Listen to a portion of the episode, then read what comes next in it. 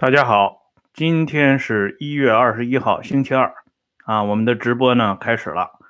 从今天开始啊，我们这个节目啊将断断续续啊来讲一个新一点的系列。这个系列呢叫《开国将帅异闻录》啊，主要呢是介绍一下一九五五年被授予元帅、大将、上将、中将、少将军衔的。一部分人的一些故事、段子和往事啊，当然呢，我们讲这个系列还是跟以往一样，不是为了歌功颂德，不是为了给哪一个人树碑立传，而是把他在历史上鲜为人知的那些事情，包括做的那些缺德事儿啊，跟大家呢一道来聊一聊。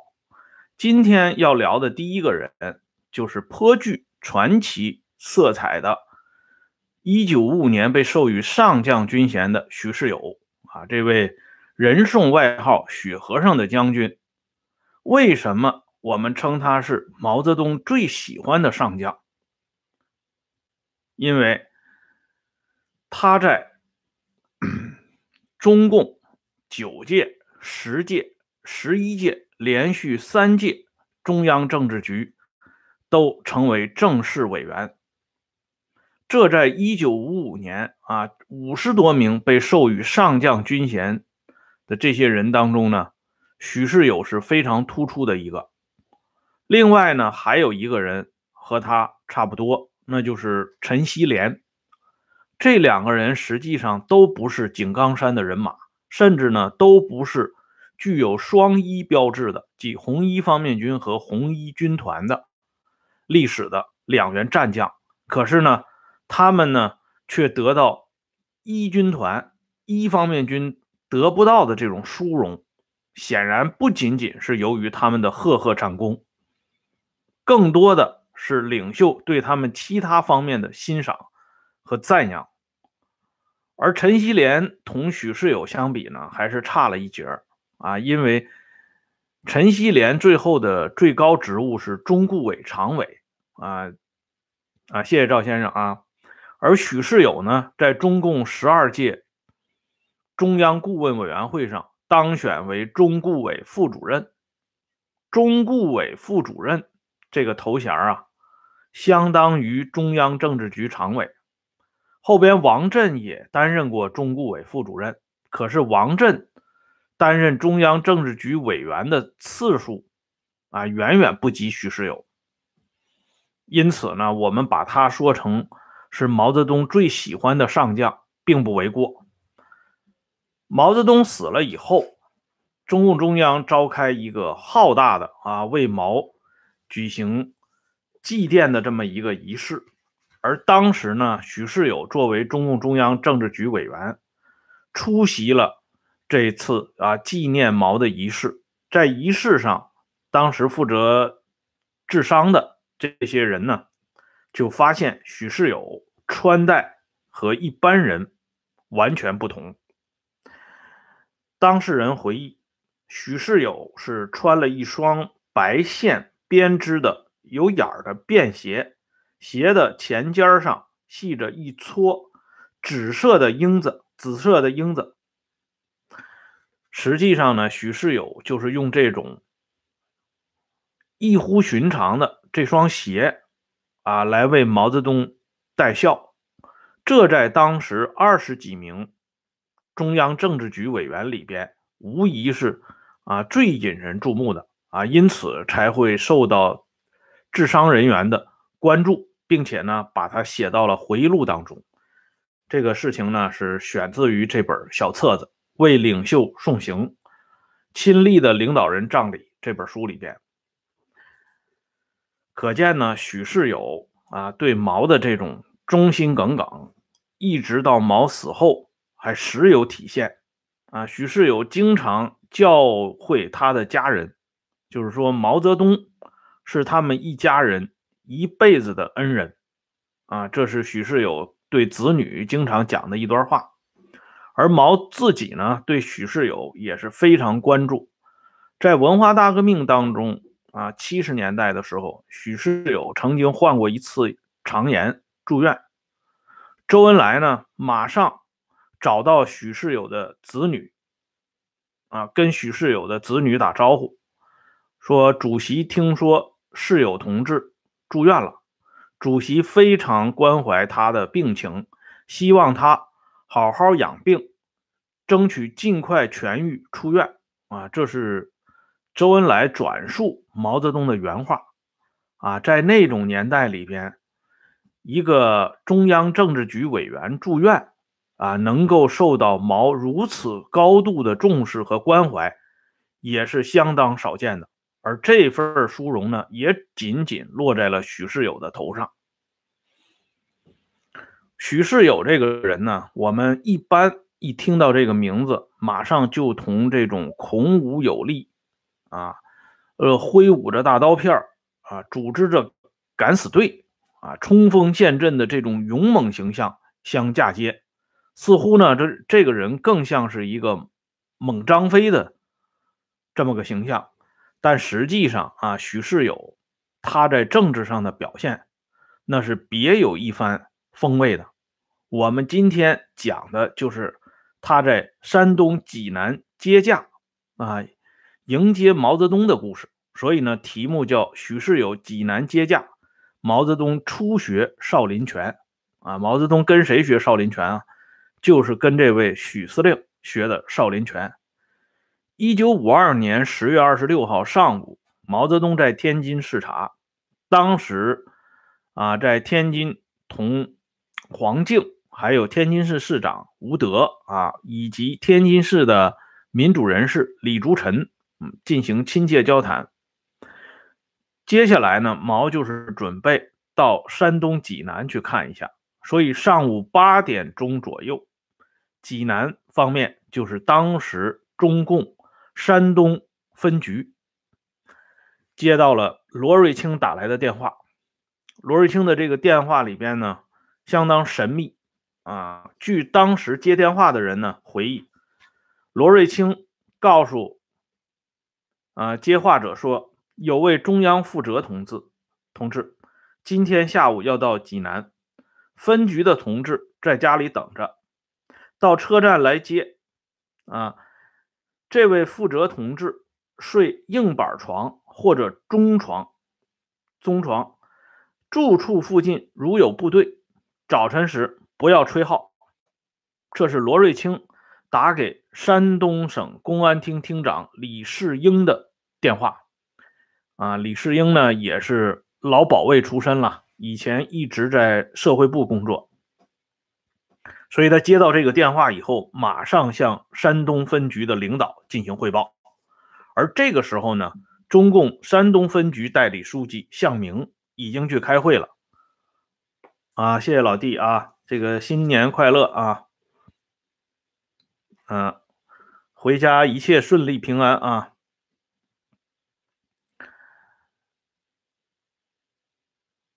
所以呢，大家现在就准备啊，好好的商量一下，怎么才能啊接待好这位中央负责的同志。这个时候呢，许世友正好去打猎啊，也不在家。呃，于是呢，在家的这几位委员赶紧把许世友找回来，因为他们都知道许司令是个主意包啊。这个主意包啊，用我们现在的话就翻译成就是智多星。他的点子很多，别看这个人啊是一个赳赳武夫，可是这个人啊脑子转得很快。呃，许世友一听啊说罗瑞卿打来电话，第一，罗瑞卿亲自打电话；第二，罗瑞卿说有一位中央负责的同志，所以许世友在会上就直接提出来了，说这位中央负责的同志一定。不同寻常，其实许世友心里已经猜出来了，肯定是毛，但是许呢没有说破，而李世英这些人呢就把这个答案给捅出来了，说肯定是主席了。啊，许世友呢就笑一笑，没吭气儿。最后呢，大家形成一个方案，就是说如何安排这领袖的住宿问题。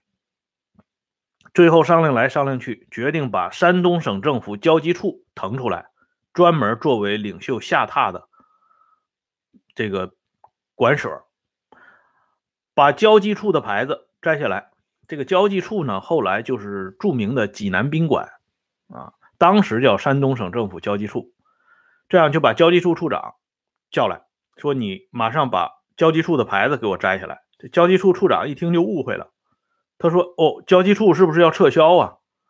啊，许世友他们就乐了，说：“不是撤销，要有重要的接待任务，你把里外的啊这些床单、被罩什么的。”全给我换新的，最重要的是把咱们交际处最豪华的那辆车，当时不叫豪华啊，叫啊最漂亮的那辆车雪佛兰开出来。这个车呢，许世友坐过一次，许世友说这个车好。这个车呢，因为它这个车垫非常软，又大又舒服，里外全要少洗干净备用。李世英呢，就开着这个雪佛兰啊，到车站去接。接之前呢，许世友他们特别叮嘱李世英说：“你脑筋灵活一点，到车站一看，如果是主席，马上往家里来个电话，我们这边还有更多的准备。”啊，这样呢，呃，李世英就答应了，说：“你放心吧，我会见机行事的。”到了车站以后，果然。啊！专列缓缓进站，一看就是领袖来了。于是呢，李世英赶紧从车站往分局打电话，告诉就是毛泽东。啊，这分局的这些同志呢，就异常的激动。啊，因为领袖来了嘛，接驾嘛，这是一个天大的事情。这雪佛兰的轿车啊，没白忙活。毛泽东坐这车非常满意。啊，到了驻地以后呢。许世友这些人自然也就是围上去啊，问寒问暖，问东问西。毛泽东这次呢，随行带的人员挺多的，除了天津的民主人士啊，九大盐业公司的老板李竹臣以外，还有公安部部长罗瑞卿、中央办公厅主任杨尚昆、铁道部部长滕代远、第一机械部啊部长黄敬、天津市市长吴德。以及中央警卫局的叶子龙和汪东兴，天津市委书记黄火清都来了。毛泽东在客厅坐下来以后呢，首先就要给领袖泡茶嘛，这是一个必要的环节。泡茶的时候，毛泽东的卫士长李银桥就走到了山东省政府交际处处长的旁边，啊，非常警醒的望着他，然后问了一句：“你给主席泡什么茶呢？”啊，这交际处处长说泡的是花茶，李银桥说不行啊，不能用花茶。主席喝惯了龙井，喝惯了绿茶，这样呢，嗯，就马上把花茶倒掉，改成龙井。这是中间的一个小插曲。毛泽东喝了几口茶之后呢，说了这么一番话啊，他说我这个人呢，每到一个地方，我是坚持不扰民。不害民啊！随便下来看一看，你们这些领导同志该干什么干什么啊！不要围着我转啊！这领袖啊，就是体察民意啊，人家是开着专列啊。李志随医生不是回忆过吗？毛的专列一旦开动啊，要几十趟的铁路列车都要改时间表。所有的人都要为毛腾挪空间和时间，而领袖啊坚持不扰民、不害民的这个指示，始终啊没有得到落实和贯彻。这当然不是领袖的错啊，而是下边执行的错啊。这领袖哪有错啊？可是毛说到不扰民、不害民的时候，许司令腾家站起来了，以军人的姿态啊，这是。当时好几个人的共同回忆，立正，然后声音洪亮的回答说：“主席，您来，我们不照顾您，照顾谁？再忙，我们也要照顾您呢。”许司令呢，直接代表中央分局向领袖表态。毛泽东一看就乐了，毛泽东马上指着许世友对身边的天津民主人士李竹臣介绍说：“这位你知道吗？他是大名鼎鼎的许司令许和尚，你不要小看他，他现在是山东军区司令员，以前是做过吴佩孚、吴子玉的兵，北伐的时候还当过北伐军。”然后呢，毛泽东说：“明天五点钟，跟许世友说，明天五点钟你来见我，你给我讲一讲啊，你是怎么指挥打济南的？然后对周围的人说，济南这一仗打得不错呀，许司令有功劳，对党和人民又建立了新的功勋。这是第一次啊，毛泽东这个刚到济南的时候，跟许世友之间的对话。”然后呢，为了不打扰毛的休息，大家呢就散了。散了以后，在路上啊，在回去的路上，这许世友呢就不停的给大家讲，就是说，主席啊非常伟大，伟大到什么程度呢？那这个许世友呢就讲一下自己以前跟领袖之间的交往，讲到动情处啊，居然呢还。这个流了眼泪，非常激动。接下来呢，这毛泽东呢就有一个安排啊，准备到济南市啊到处去转一转。当时呢，呃，在安排毛的食宿问题上啊，遇到了这么一件小事儿。毛泽东从北京带来的厨师啊，这是专门带一个厨师过来。这厨师呢。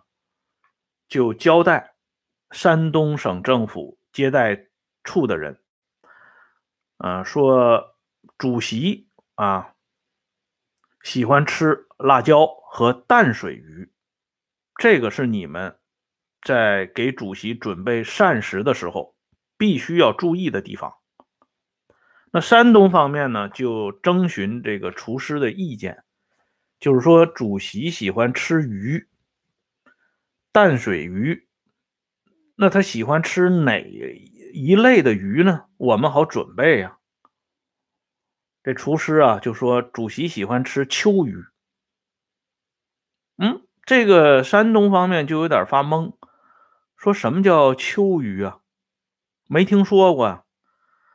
啊，后来呢，这厨师就是说，秋鱼就是两三寸长。从水里啊，在水里上来下去，嘴里呢向外边还吐泥。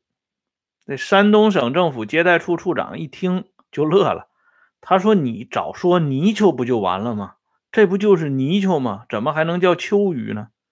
这时候呢，这个话呢被这个许世友听到了，许世友就说：“啊，就跟这个接待处处长讲，他说，哎，秋雨这个名字起得好嘛。”这个名字起的又文雅啊，又通俗啊，比泥鳅好听。泥鳅这个名字太粗俗了啊，叫秋雨好。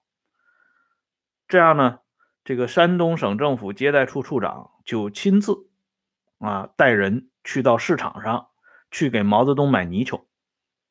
许世友呢，专门派了自己的警卫员跟着这个接待处处长一起去买泥鳅，这个阵容相当强大呀。上街买个泥鳅，还有警卫员护送，所以这件事情呢，被毛的厨师啊，当然都啊历历在目吧，都看在眼里。于是呢，这个厨师就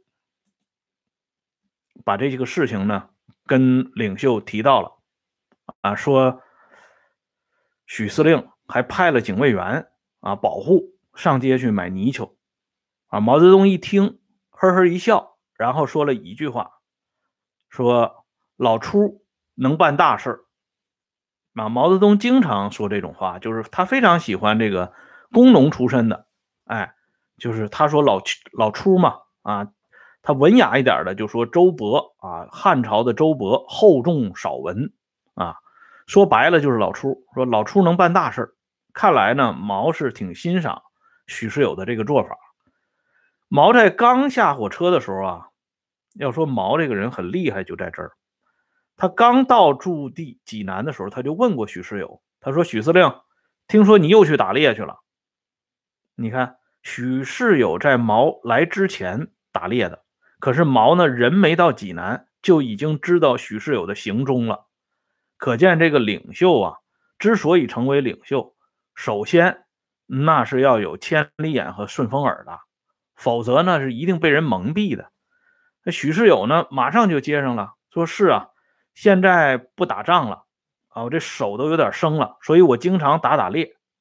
毛泽东一听高兴了，毛泽东说：“好，安不忘危啊，好，这是好事儿。”然后呢，许世友就说：“我专门给主席又打了几只野鸡和野兔啊，让主席尝一尝鲜儿。”啊，毛泽东说：“好，这个我收下。”然后呢，就告诉罗瑞卿啊，说：“这个罗部长。”你把东西接过来，谢谢许司令。但是后来呢，跟随罗瑞卿的人回忆啊，这个野鸡和野兔呢，啊，没有被带上专列，啊，就是在山东这个接待处就把这个野物呢收拾干净了，然后由罗瑞卿啊负责带，呃，没有交给毛泽东。毛泽东呢，一般不吃外边人送来的东西。除非啊，之前有过特殊的安排和走这种严格的程序，否则他是不吃这些东西的，包括这个许世友送的东西，他也一样不吃。嗯，不过这个事情许世友那在那个时候他是不知道的。啊，给毛当时安排的几个景点呢，就是大明湖、趵突泉、黑虎泉，啊，安排这些景点，毛泽东当时还呃乐了。就是说，安排的都是水坑啊，就是毛呢认为怎么看的都是水啊，没有山呢啊，这样呢，许世友就还有李世英这两个人呢就提出来，周围呢有一个山啊，有一个叫四里山啊，四里山呢是有一片的烈士墓，修了一片烈士墓。毛泽东一听这个，就说：“那好吧，四里山啊，大明湖、趵突泉、黑虎泉啊，两泉一湖一山，这几个地方我们都走一下。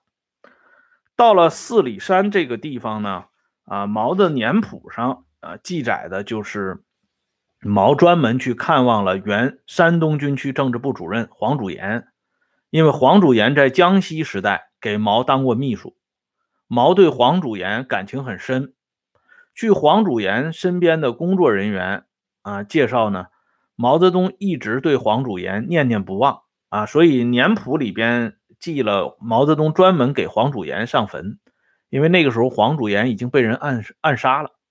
黄祖岩这个人呢，有两个特点，在党史上呢显得比较突出，一个呢是他。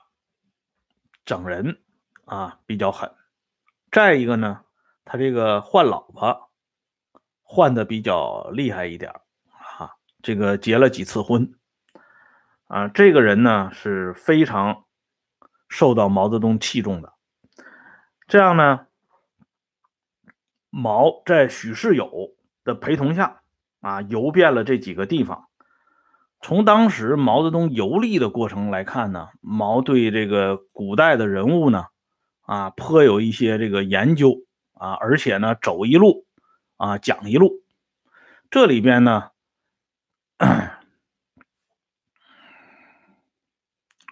这人呢，真是什么人都有啊，嗯，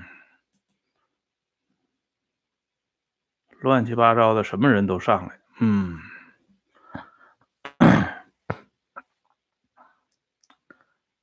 毛泽东对两个历史人物啊有过一个特殊的评价，一个呢是赵孟俯啊，就是著名的书法家。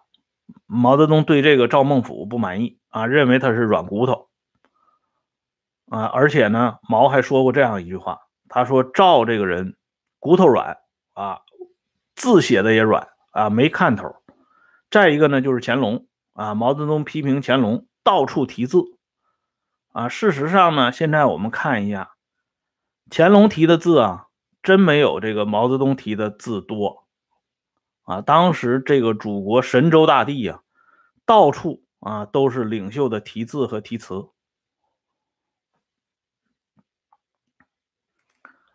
在休息期间啊，毛泽东和许世友之间呢，就有一个新的交接了啊。在整个的这个过程里边，就能看出来为什么许世友呢，啊，这么讨毛泽东的喜欢。毛呢，坐在那儿休息，然后呢，把许世友叫到身边来说：“你给我讲一讲少林寺的情况啊，我对少林寺很感兴趣。”这样呢，许世友就说到少林寺啊习武要过三关，一个啊就是说从徒弟啊熬出来出师要三关，第一关呢是棍关，就是打棍；第二呢是刀关，啊耍刀；第三呢你要能打出去。然后呢，毛泽东就问说：“你这三关都过了没有啊？”许世友说：“我过了。”我跟师傅打个平手，所以师傅就让我出出师了，说我可以下山了。啊，然后许世友又给毛泽东讲了一个故事，他说：“你知道啊，主席啊，有一次上千名土匪啊围攻我们少林寺。”毛泽东说：“那个结果怎么样啊？”许世友说：“都被我们给打跑了。”毛一听也乐了，毛说：“可能是吓跑的。”啊，许世友说又打又下了，反正他们就都跑了。毛泽东一听啊，来兴趣了，说怎么样，世友同志，你给我打一下这个少林拳啊，我也跟着学一学。许世友一听更来兴致了，于是呢，把这个外衣也脱了，把这裤管呢也卷起来了，袖子呢也撸起来了啊，当着毛泽东和罗瑞卿这些人的面啊，就打了一趟少林拳。这领袖一看啊，许世友打起来了，领袖自己呢也把外衣脱了，把裤腰带呢紧一紧啊，跟在许世友后边呢就学着这个少林拳，啊一边打呢，毛泽东一边还说这个拳好啊，这个拳好。然后许世友打打了之后呢，毛泽东就连连夸赞啊许世友，说你这个人厉害呀啊，曲不离口，拳不离手啊。安不忘威，是一员做天下的虎将啊！然后他就问罗瑞卿啊，他说：“罗部长啊，你也打两下吧？”啊，罗瑞卿说：“我不能打。”这样呢，毛泽东就指着罗瑞卿说：“你看看你啊！”毛泽东说：“我都老了，我都已经六十岁了。其实当时毛呢还不到六十周岁，只有五还不到五十九周岁吧，等于说。但是毛就说自己，他说我我已经老了。”但是我还是啊，跟着许司令打几趟拳。你才四十多岁啊！说罗瑞卿，你才四十多岁，你的木气不能这么深。然后他就问罗瑞卿：“你和许司令，你们两个人谁年龄大？”啊，后来呢，两个人各自报了一下自己的出生年月。啊，知道许世友呢比罗瑞卿大一岁多一点毛泽东就呃又说罗瑞卿，他说：“你看看，许司令比你还大一岁呢。”人家这个拳还打得这么好，你也要学呀！哎，这个罗罗罗瑞卿呢，就马上表态说：“那是哦，我肯定要学。”然后这个时候啊，许世友反应非常快，因为毛泽东提到说：“我我已经老了。”啊，许世友呢马上就接过来这句话，说：“主席不老嘛，主席万岁万岁万万岁！”啊，毛泽东一听哈哈大笑，说：“哪里有什么万岁呀？啊，这个整个的这个。”大家在一起的这个场面非常啊，这个兴奋，非常融洽啊。许许世友呢，把这个啊整个的气氛烘托的非常好。还有一点呢，就是值得重视的，就是许世友呢，为什么嗯，在罗瑞卿不在场的情况下啊，谢谢这位啊，谢谢袁先生啊，为什么在？罗瑞卿不在场的情况下，跟山东分局的人和毛泽东带来的人讲述自己在抗大期间被毛泽东营救的这件事情，这也反映了许世友这个人的精明之处。因为当初呢，罗瑞卿也参与了啊抗大整治红四方面军干部的事情，所以许世友绝对不会当着罗瑞卿的面把这个历史的疮疤揭开。但是呢，他又一定要曲曲折折的表示出自己对领袖的爱戴和领袖拯救下边干部的这个事实。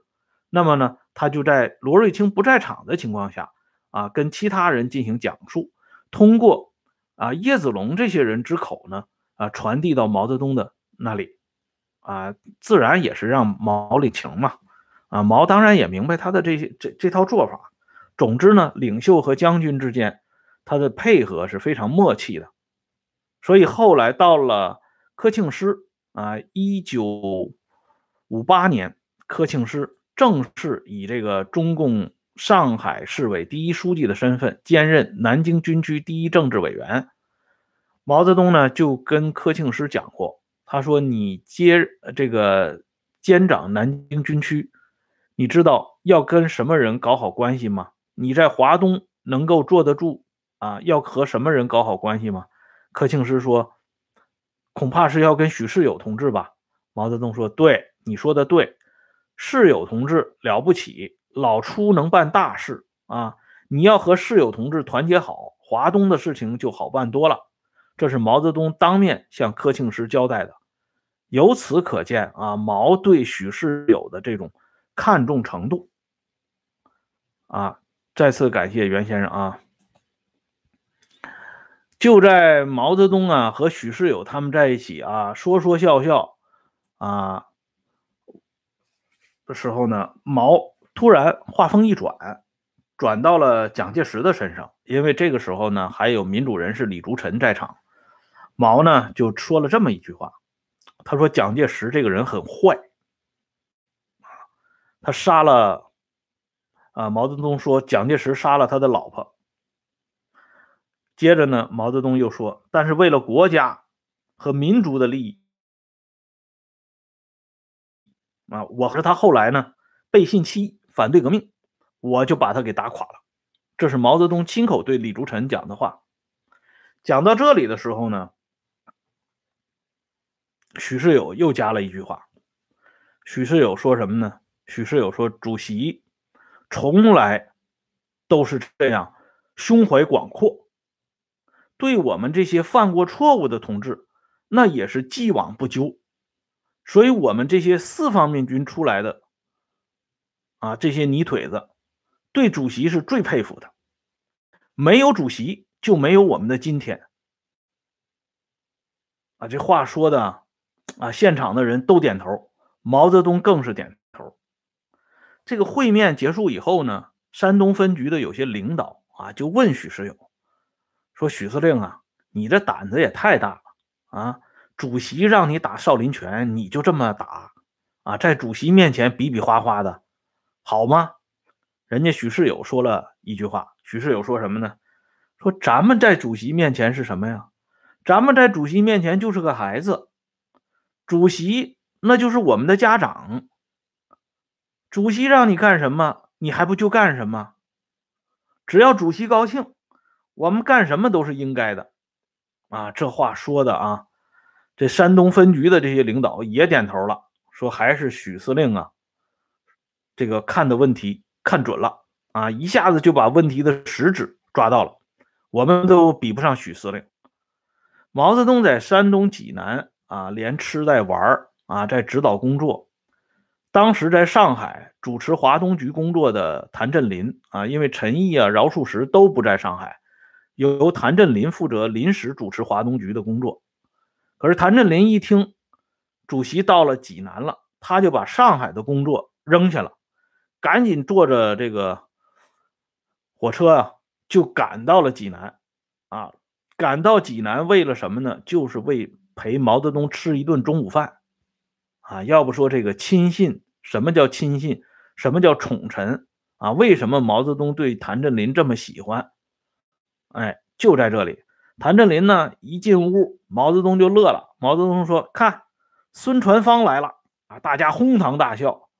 为什么这么说呢？因为当时华东局呢管着五个省一个市啊，所以呢，毛泽东管他叫孙传芳，因为孙传芳当年做过五省联军总司令啊，所以毛泽东开一个谭震林的玩笑。领袖当着大家的面管谭震林叫孙传芳，孙传芳这个名字当然不是什么好听的名字，可是谭震林的脸上呢却洋溢着特殊的笑容，因为他高兴啊。他说：“你看看，主席跟谁这么开玩笑啊？给谁这么起外号啊？只有跟我呀。这说明我跟主席的关系，那不是你们能够随随便便可以比拟的啊。”谭震林的前脚刚到呢。中共安徽省委第一书记啊，这个安徽省委的书记曾希圣，曾希圣圣啊，也赶到了，因为他也听说领袖到了济南了，所以曾希圣呢，也为了啊陪着领袖在济南转一转，把安徽的工作呢也扔一边去了啊，专门跑到济南来陪领袖。所以大家可以看一下后边大跃进里边的几个宠臣：谭震林、曾希圣。啊，为什么在大跃进时期啊喧嚣一时，飞扬跋扈啊？实在是啊，他们经常都是把这个以摸查领袖的这个脉搏为工作中的重要啊重心，跟这个是有直接关系的。但是呢，他们最后呢，在文化大革命和文化大革命前夕都已经折了啊，都是陆续的失宠，而只有我们这位许司令。一直呢是啊巍然不动啊，一直是伟大领袖的铁杆亲信啊，只是在文革当中呢，一开始受到了一点点的冲击啊，这种冲击实际是微不足道的，因为冲击还未结束啊，领袖就已经率先表态，许世友不能动啊，由此可见呢，这个领袖和这位上将军之间。那是啊，惺惺相惜呀。好了，今天呢，关于许世友的这个故事呢，我们就讲到这里。我们只是选取了许世友历史当中的这么一个小片段啊，向大家讲述一下为什么他能够博取毛的欢心啊。好了，今天呢就说到这里，在明天的节目里边呢，我们来继续讲另外一位将帅的往事啊。欢迎大家届时上来收看和收听，啊，感谢这几位朋友的打赏，啊，我们明天接着聊，再见。